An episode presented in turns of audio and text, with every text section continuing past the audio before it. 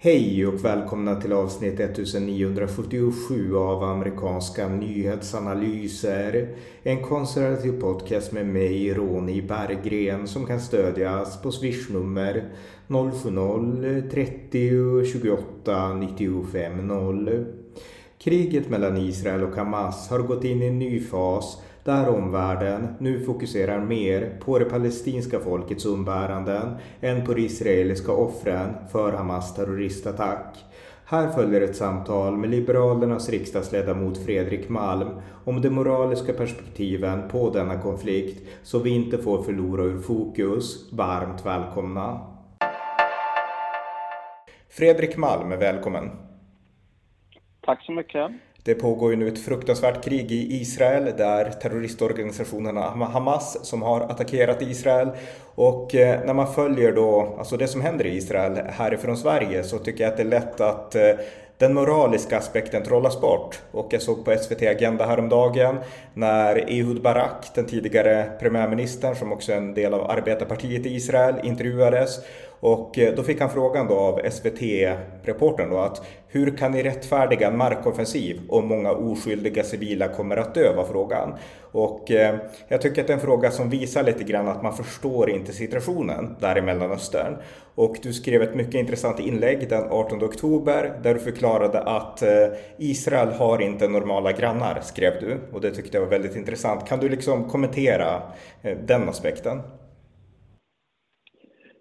Ja, jag skulle säga så här att eh, Israels grannar är i huvudsak nu den palestinska myndigheten, det är Hamas och det är Hizbollah.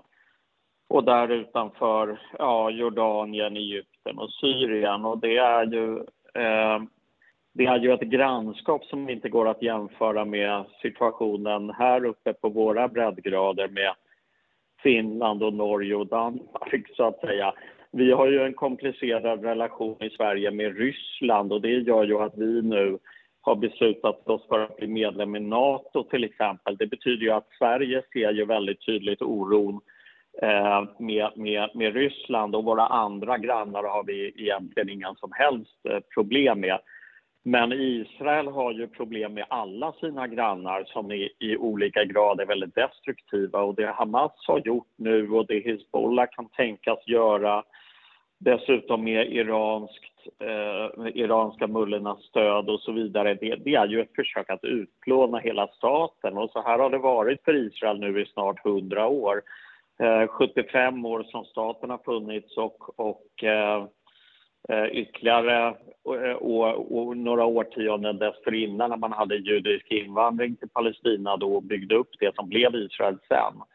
Eh, men, men västvärlden, eller många i västvärlden, inte alla, men många i västvärlden förstår liksom inte Israels situation. Förmodligen för att vi inte själva har befunnit oss i något liknande någon gång tyvärr. Nej.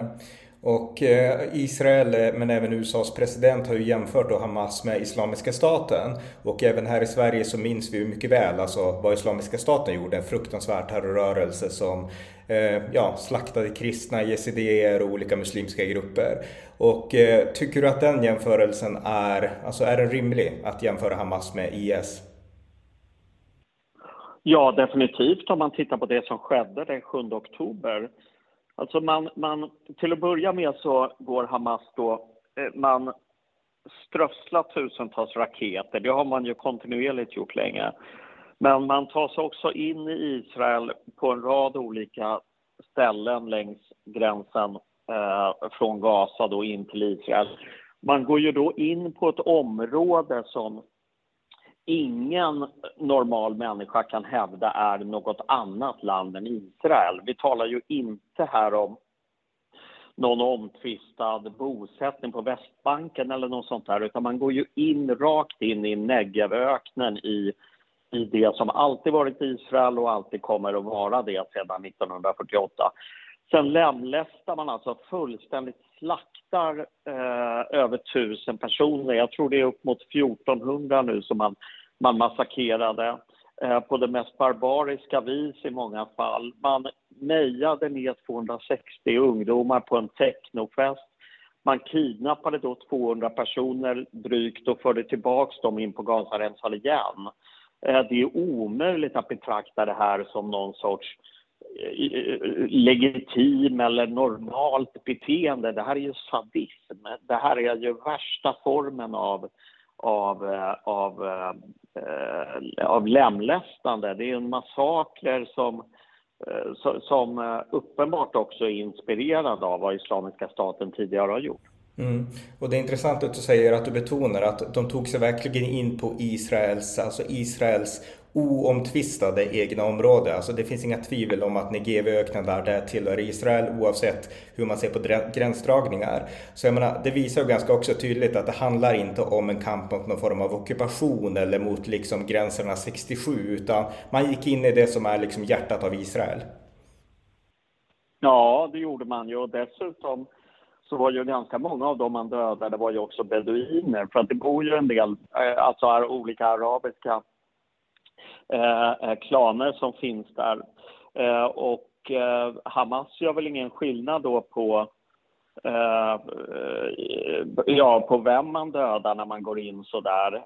man är så stenad av hat och skjuter mot allt och alla. Men, men, och många av dem som bor på de där kibbutzerna runt Gaza där nere det är ju det är också personer som ofta har varit kritiska mot israeliska högerregeringar. Eh, och, och säkerligen en del av de här ungdomarna på technofesten också. Och jag tror att det är det som gör att den här frågan blir så otroligt känslig för eh, eller vad ska man säga, den skär så i hjärtat på många i Israel som har varit liksom kritiska mot utvecklingen de senaste årtiondena i landet att liksom Hamas har verkligen slagit skoningslöst mot dem. Liksom. Mm. Ja. Eh, och eh, som sagt, alltså nu betraktar ju Israel det här som ett dåd egentligen av Hamas, Isis och man har beslutat sig att totalt eh, tillintetgöra Hamas på Gaza. Och vi ska om en stund komma in på hur, alltså vilka möjligheter Israel har att faktiskt göra det. Men jag tänkte så här att efter terrorrådet, då var uppslutningen bakom Israel total. Hela världen, även Sverige, uttryckte alltså stora sympatier oavsett politisk kant för Israel och man fördömde det som hade hänt då, terroristattacken. Men sen när Israel började slå tillbaka och bomba, vi har ju alla sett, alltså, det är ju faktiskt fruktansvärda scener, alltså, det är inga, inga, inga tvivel om att civila lider. Men då har ju också många röster börjat liksom höjas från andra hållet. Det är kanske är dags för eldupphör, det är kanske är dags att liksom, alltså, hålla Israel tillbaka lite grann. Vad tänker du om de rösterna? Jag tänker att till att börja med så är det ju så här. Eh, Israel är fortfarande kvar i 7 oktober medan omvärlden har liksom passerat 7 oktober och de är framme nu vid 25 oktober. Så i omvärlden så är allt fokus på den humanitära situationen på Gazaremsan. Men för 7,5-8 miljoner israeler eh, och många judar i omvärlden Eh, så är man helt och hållet kvar i den 7 oktober. Och Israel kommer finnas kvar i 7 oktober, alltså när Hamas genomförde massakern. De kommer vara kvar i det läget, tror jag, ganska länge. Därtill så har Israel en annan gryende diskussion eller debatt och det rör ju hur man ska förhålla sig just till eh, alla som är tagna som gisslan och som är kidnappare. Så att man, är det helt olika eh, lägen, så att säga, både tidsmässigt, mentalt och eh, psykologiskt, kan man säga, i, i, i den här situationen. Mm. Det andra är ju att problemet är, eh, för att svara på din fråga också när det gäller, när det gäller det humanitära, problemet är ju att man måste förstå att Hamas är inte bara en terrorgrupp. Hamas är, är regering på Gazaremsan, det är styret på Gazaremsan. Det är de som dirigerar och kan ställa krav på biståndsinsatserna som sker där, vart pengarna ska gå, vilka som ska jobba för FN-organen till exempel. Det är de som styr alla ministerier, utbildning, sjukvård. De är hela styret på Gazaremsan. Det här är liksom ingen grupp lite vid sidan om eller små terrorceller utan det här är hela Gazaremsan är i Hamas eh, eh terror eh, organisering. Och det är det som gör att man har byggt ett enormt tunnelsystem under Gaza City, Khan Yunis och, och flera andra, andra samhällen. Det är det som gör att man på olika sätt eh, bygg, har, har transformerat hela Gazas ekonomi till att vara en krigsekonomi.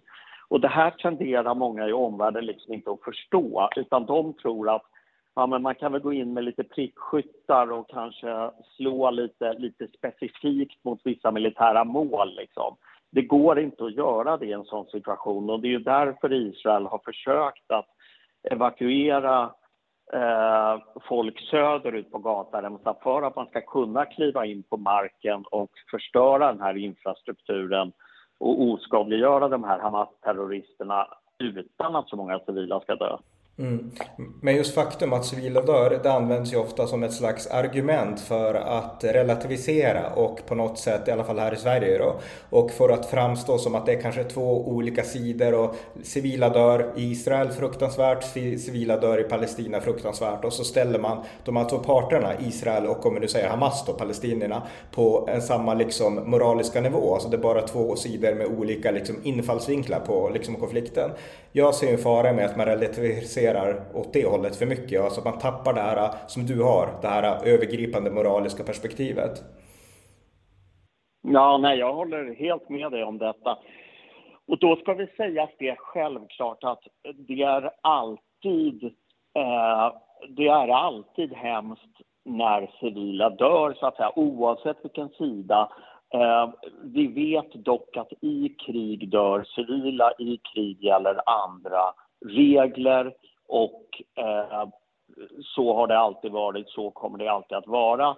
Samtidigt så har ju Israel har förstås ett krav på sig att dels följa krigets lagar och att försöka minimera den skada som kan ske på, på, på civila. Men det är ju därför man, det är därför man eh, droppar flygblad över hela Gazaremsan för att få information om var Hamas Eh, baser finns, var gisslan kan finnas. Det är därför man eh, informerar, eh, uppmanar människor att lämna byggnader och sen senare så attackerar man de byggnaderna när människor har hunnit lämna.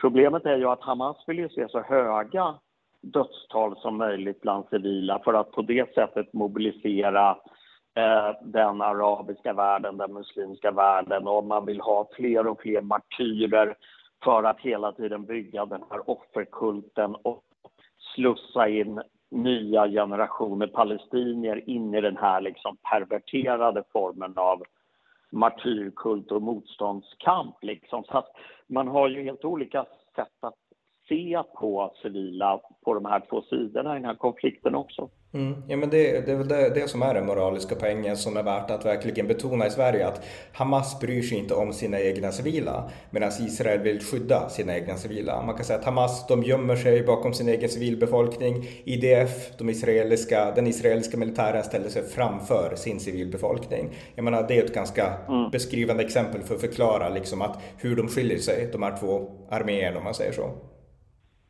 Ja, ja precis. Nej, men så är det ju. Mm. Det som är lite problemet för det som är lite problemet för Israel i det här läget, det är ju just det är ju just den där avvägningen mellan att få ut de här egna medborgarna och invånarna som är eh, tagna som gisslan samtidigt som man vet att, att eh, i någon mening så kan det stå emot att slå ut Hamas, för Hamas sitter ju och har gisslan. Och det är klart att nu ökar ju trycket mer och mer så att det är en enorm fokus i Israel på, på de som är gisslan, på deras familjer och så vidare. Och Hamas verkar ha någon strategi här att de släpper några stycken från gisslan här varje dag men om de sitter på 250 pers och släpper två om dagen, då kan de ju sitta i tre månader så att säga och hålla hela den israeliska befolkningen på halster. Eh, samtidigt som Israel har kallat in 300 reservister. Men de behöver ju gå tillbaka till sina arbeten. Det slår ju jättehårt mot ekonomin och alla de inkallade, både i norr och söder, om det inte blir någon markoffensiv. Så att jag tror eh, israeliska politiker har eh, och även militärledningen tror jag, men särskilt de ledande politikerna, de, har, de är lite i ett dilemma här hur man, ska, hur man ska göra här. För att oavsett hur de gör, om de går in för en markoffensiv så kommer folk säga att ni har gjort för lite för att få ut gisslan. Och går de bara in för att få ut gisslan så kommer folk säga att ni gör för lite för att utplåna Hamas. Mm. Ja, eh, återigen en intressant poäng här. Alltså att i, i, inne i Israel så diskuterar man hur ska vi få ut våra kidnappade i omvärlden. I Sverige och i väst så diskuterar vi hur ska vi kunna hjälpa de stackars palestinierna. Så att det finns verkligen helt olika perspektiv på det här som jag tycker är intressant. Men om det nu blir så här då att Israel inleder, det, det jag tror jag ändå att det är ofrånkomligt, någon form av markinvasion av Gaza. Eh, hur kommer det att utveckla sig? Därför att jag menar, markinvasioner är otroligt svåra och i synnerhet mot rörelser som Hamas. Jag menar, jag minns Irakkriget, USA mot al-Qaida i Irak. Amerikaner kom hem med kister varje vecka därför att det är ju så komplicerat med de här gatustriderna, strider i byggnader och Gaza är ju ännu mer komplicerat på grund av tunnelsystemet inte minst. Alltså hur kommer det att gå? Hur kommer en markinvasion att gestalta sig tror du? Ja, alltså det är ju otroligt svårt att sia om för det beror ju lite på när det sker och i vilken omfattning och en sak är ju om de går in bara norrifrån. En annan sak är väl om Israel tänker sig att först skapa någon sorts buffert, kanske några kilometer in längs hela gränsen. Eh, försöker de göra det även mot Egypten egyptiska gränsen så tror jag att Egypten eh, inte kommer bli särskilt glada över det. Eh, det är ju också frågan hur omvärlden agerar och med omvärlden i det här fallet så tänker jag nog särskilt på USA, eh, även Qatar och en del andra för det verkar som att USA USA har lagt, varit, lagt sig på en hundraprocentig så att säga hundraprocentigt stöd till Israel, även militärt stöd till Israel.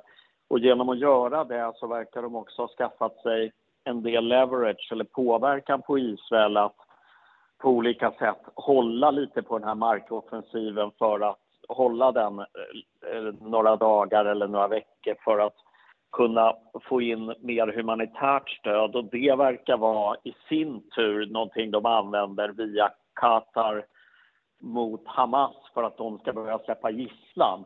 Så det verkar, det är någon sorts rörelse i det här, men frågan är ju hur länge Israel gentemot sin egen befolkning kan liksom eh, avvakta detta.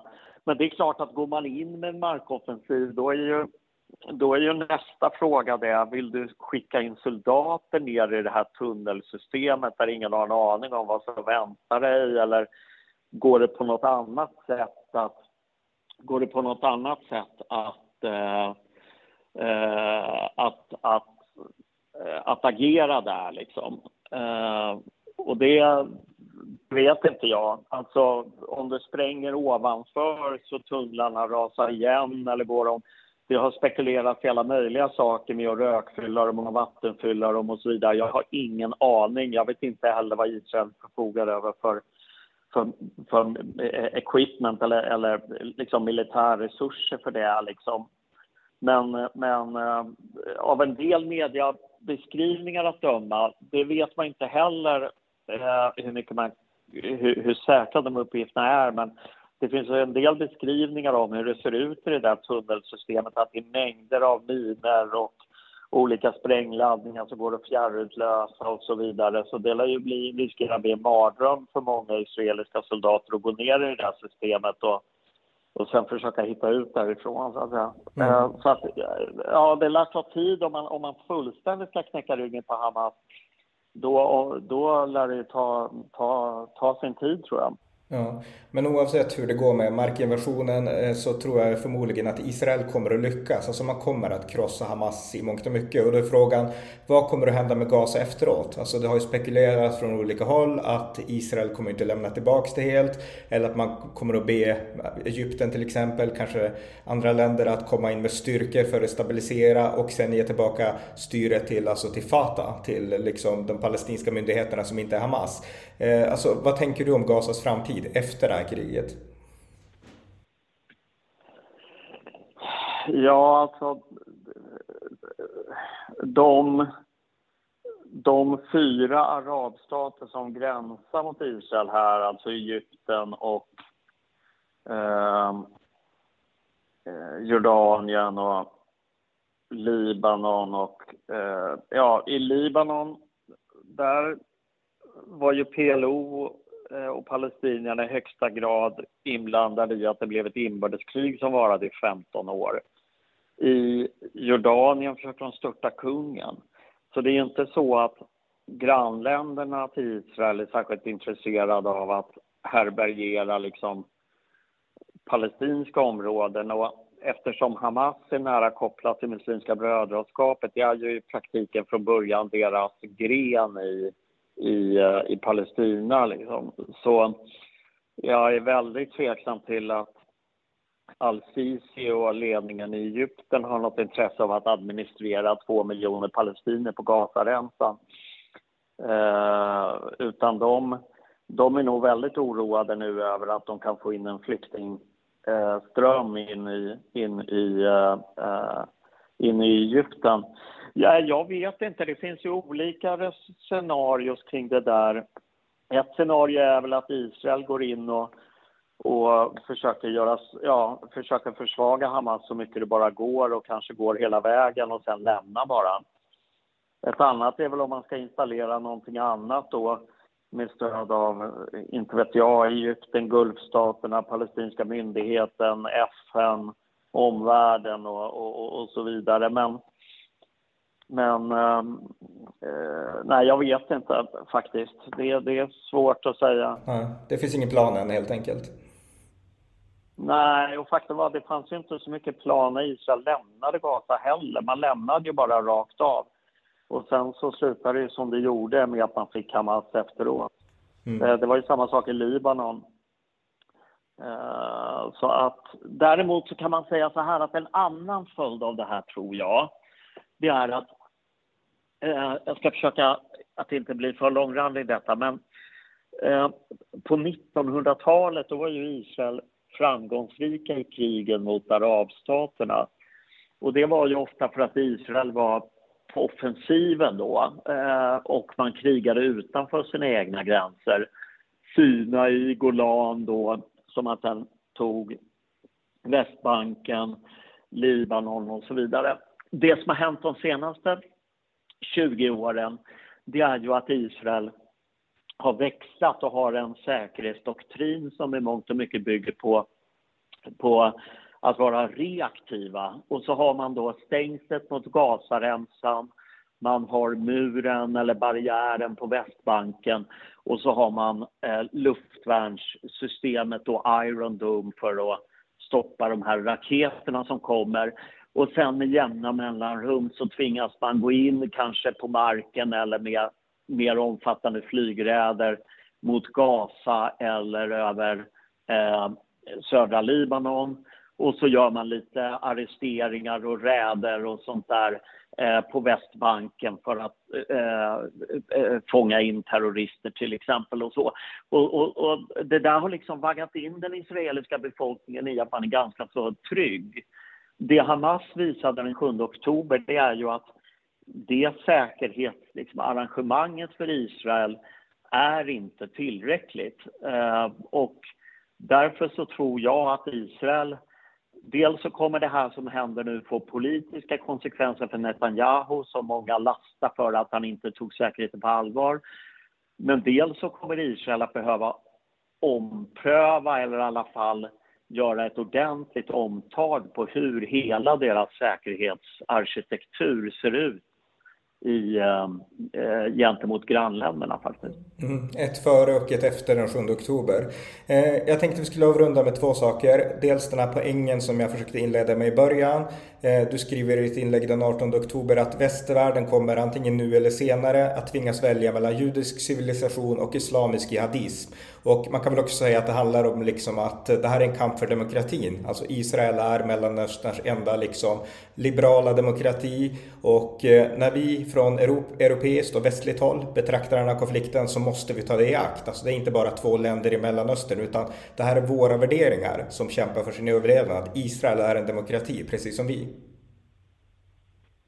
Eh, ja, definitivt. Och eh, det finns ju utsatta demokratier. Taiwan är en annan. Och det, finns, det finns områden och, och, eh, och länder som eh, är utsatta för den här typen av av eh, eh existentiella hot från diktaturer eller från olika typer av, av eh, icke-statliga eh, ak aktörer. Liksom. Men men eh, vi har ju sett också med de här reaktionerna i Sverige där folk åker i karavaner och skjuter fyrverkerier och firar den här massakern på samma dag som den ägde rum.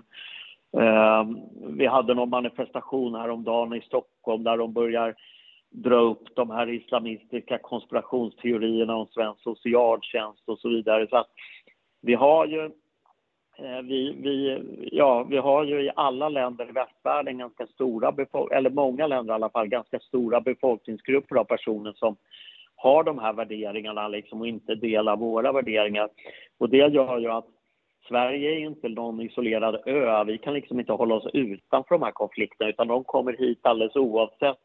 Eh, eh, och, och även om de behöver inte vara islamiska konflikter, det kan vara en en eh, eritreansk festival eller det kan vara någon annan konflikt som leder till att det får en massa konsekvenser också i Sverige och det gör att jag tror att vi, vi måste liksom bli starkare och mer, mer hårdhudade i att värna de här principerna. Annars så kommer vi liksom duka under med tiden för att vi, vi måste verkligen stå upp för det som präglar fria samhällen. Det är ännu viktigare idag än vad det var tidigare skulle jag säga. Ja, verkligen. Och om vi avslutar då med, alltså, som du var inne på, alltså, det är många här i Sverige som har demonstrerat för Hamas kan man säga i praktiken, oavsett vad de tänker, och mot Israel.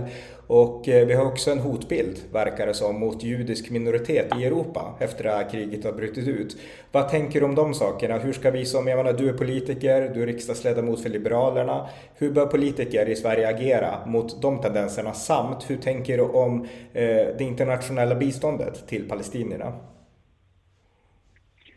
Ja, på den första frågan skulle jag säga att det enda i förlängningen som kommer att fungera det är att man, att man har nolltolerans men att man har en nolltolerans i praktiken, inte bara liksom i ord. Och I praktiken innebär det att det, om man till exempel åker och firar åker i korteger och firar en, en eh, en, en terrormassaker på 1400 människor eh, och man till exempel har ett tillfälligt uppehållstillstånd i Sverige, då bör det kunna vara en försvårande omständighet om det ska förlängas till exempel. Det kan vara en sån väldigt konkret sak, den här diskussionen som har varit kring vandel. Samma sak om man står och eldar på tusentals människor på Sergels torg i Stockholm och med, med ren eh, desinformation om svenska myndigheter i syfte att skada Sverige att utsätta oss för den hotbild vi har eller den här Iraken som springer runt och bränner Koranen enbart i syfte att skapa ett sånt kaos som har lett till att vår ambassad har brunnit ner i Bagdad och en lokalanställd blir skjuten i Turkiet på svenska konsulatet i Izmir till exempel. Alla sådana saker där människor gör sådana här aktiva handlingar i syfte att skada Sverige eller hota minoriteter till exempel.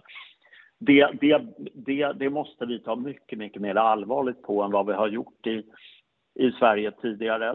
För att ta ett konkret exempel. Jag tycker att ministern Carl-Oskar Bolin har varit väldigt, väldigt tydlig och bra när han var i Aktuellt, SVT här i eh, går kväll var väl det och i radion i morse också på P1 Morgon. Jag tycker han har varit jättebra i, i sin tydlighet kring, kring det här med desinformation och eh, även försvara den judiska befolkningen och så.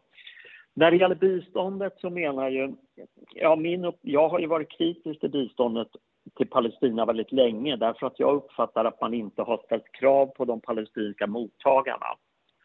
Eh, och man har eh, man accepterar att ge bistånd till organisationer som har kopplingar till palestinska terrorgrupper, till exempel till PFLP. Eh, och det internationella biståndet genom UNRWA eh, är ju också i väldigt hög, hög grad eh, korrumperat av Hamas på olika sätt. De bestämmer vilka som får jobba för UNRWA. Eh, de driver skolor med, med läromedel. Mm. Som att det är mat och mediciner och sånt kommer fram till behövande. Det tycker jag är en fullt rimlig liksom, humanitär åtgärd. Men att, att liksom eh, eh, att, att, att på det sättet låta Hamas dirigera importen till Gazaremsan, det, det, för mig är det en total omöjlighet med tanke på vad de gör med pengarna, vad de gör med det de importerar. Mm. Jag tappade ditt ljud lite här så att jag får klippa just det här stycket bara så att du vet det. Men eh, om vi avslutar det allra sist så eh, finns det något mm. mer du skulle vilja tillägga? Alltså som du vill säga liksom till de som lyssnar som kanske de behöver veta om den här konflikten? Om vi avslutar med den frågan. Nej, men alltså historien har ju visat att antingen sitter Davidsstjärnan på juden i Warszawagettot eller så sitter den på Israels flagga och även på israeliska militärens eh, fordon och, och, uniformer. Och vi ska vara tacksamma för att den gör det. Därför att det är det som gör att det finns en judisk stat och den måste kunna, den måste kunna fortsätta att få leva och, och må bra. Och det gör att man måste ha en större förståelse för det hot som Israel möter och jag hoppas att Ja, det, det är fruktansvärda tragedier som har utspelat sig nu här senaste veckorna men förmodligen, eller jag hoppas i alla fall att fler människor förstår Israels situation när de har sett vad Hamas också har gjort. Mm. Ja, tack så mycket Fredrik Malm. Tack själv. Tack för att ni har lyssnat på amerikanska nyhetsanalyser. En konservativ podcast som kan stödjas på swishnummer 070-30 28 95 0 eller via hemsidan på Paypal, Patreon eller bankkonto. Skänk också gärna en donation till valfri Ukraina eller Israelinsamling. Vi hörs snart igen. Allt gott tills dess. thank you